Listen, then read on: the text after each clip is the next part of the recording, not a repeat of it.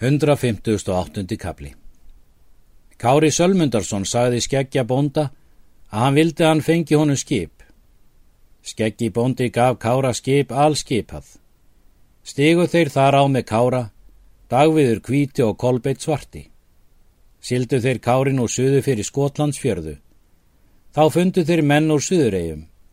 Þeir sögðu Kára tíðindin af Írlandi og svo það að Flósi var farin til Bretlands og menn hans.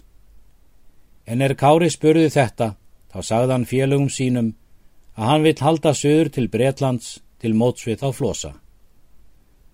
Bað hann þá þann skiljast við sitt förunetti, er það þætti betra, og hvaðst að engum manni vilja vél draga, að hann lést enn á þeim hafa óhemt harma sinna. Allir vildu honum fylgja. Siglir hann þá söður til Bretlands og lögðu þar að í leinivóg einn. Þennan myrkin gekk Kólur Þorsteinsson í borg og skildi kaupa silfur. Hann hafði mest hæði yrði við af brennumönnum. Kólur hafði tala margt við frú eina ríka og var mjög í gattaslegið að hann myndi fá hennar og setjast þar. Þennan hinn sama morgun gekk Kári í borgina. Hann kom þar að er Kólur taldi silfrið. Kári kendi hann og hljópa að honum með sverð brugðið og hjó á hálsin en hann taldi silfrið og nefndi tíu höfuðið er það fauk af bolnum. Kári mælti. Segji það flosa að Kári Sölmundarsson hafi vegið Kól Þorsteinsson. Lýs ég víi þessu mér á hendur. Gekk Kári þá til skipsins. Sagði hann þá skipverjum sínum víið.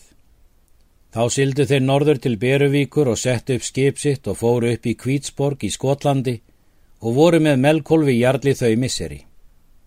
Nú er að segja frá Flosa að hann gengur upp og tekur lík kols og býr um og gefur fjöð mikið til leksónum.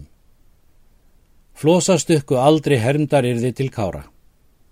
Flosi fór þaðan söður um sjá og hóð þá upp göngu sína og gekk söður og létt ekki fyrir hann kom til Róma borgar. Þar fjekk hann svo mikla sæmt að hann tók lausn af sjálfum páanum og gaf þar til fyrir mikið.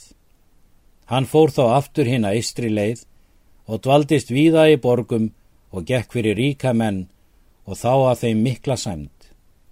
Hann var í Noregi um veturinn eftir og þá skip af Eiriki í jarli til útferðar og hann fjekk honum mjöl mikið og margir menn aðrir gerðu sæmilega til hans. Sildi hann síðan út til Íslands og kom í Hortnafjörð og fór þá heim til Svínafells. Hafði hann þá að hendi int alla sætt sína bæði utan ferðum og fjegjaldum.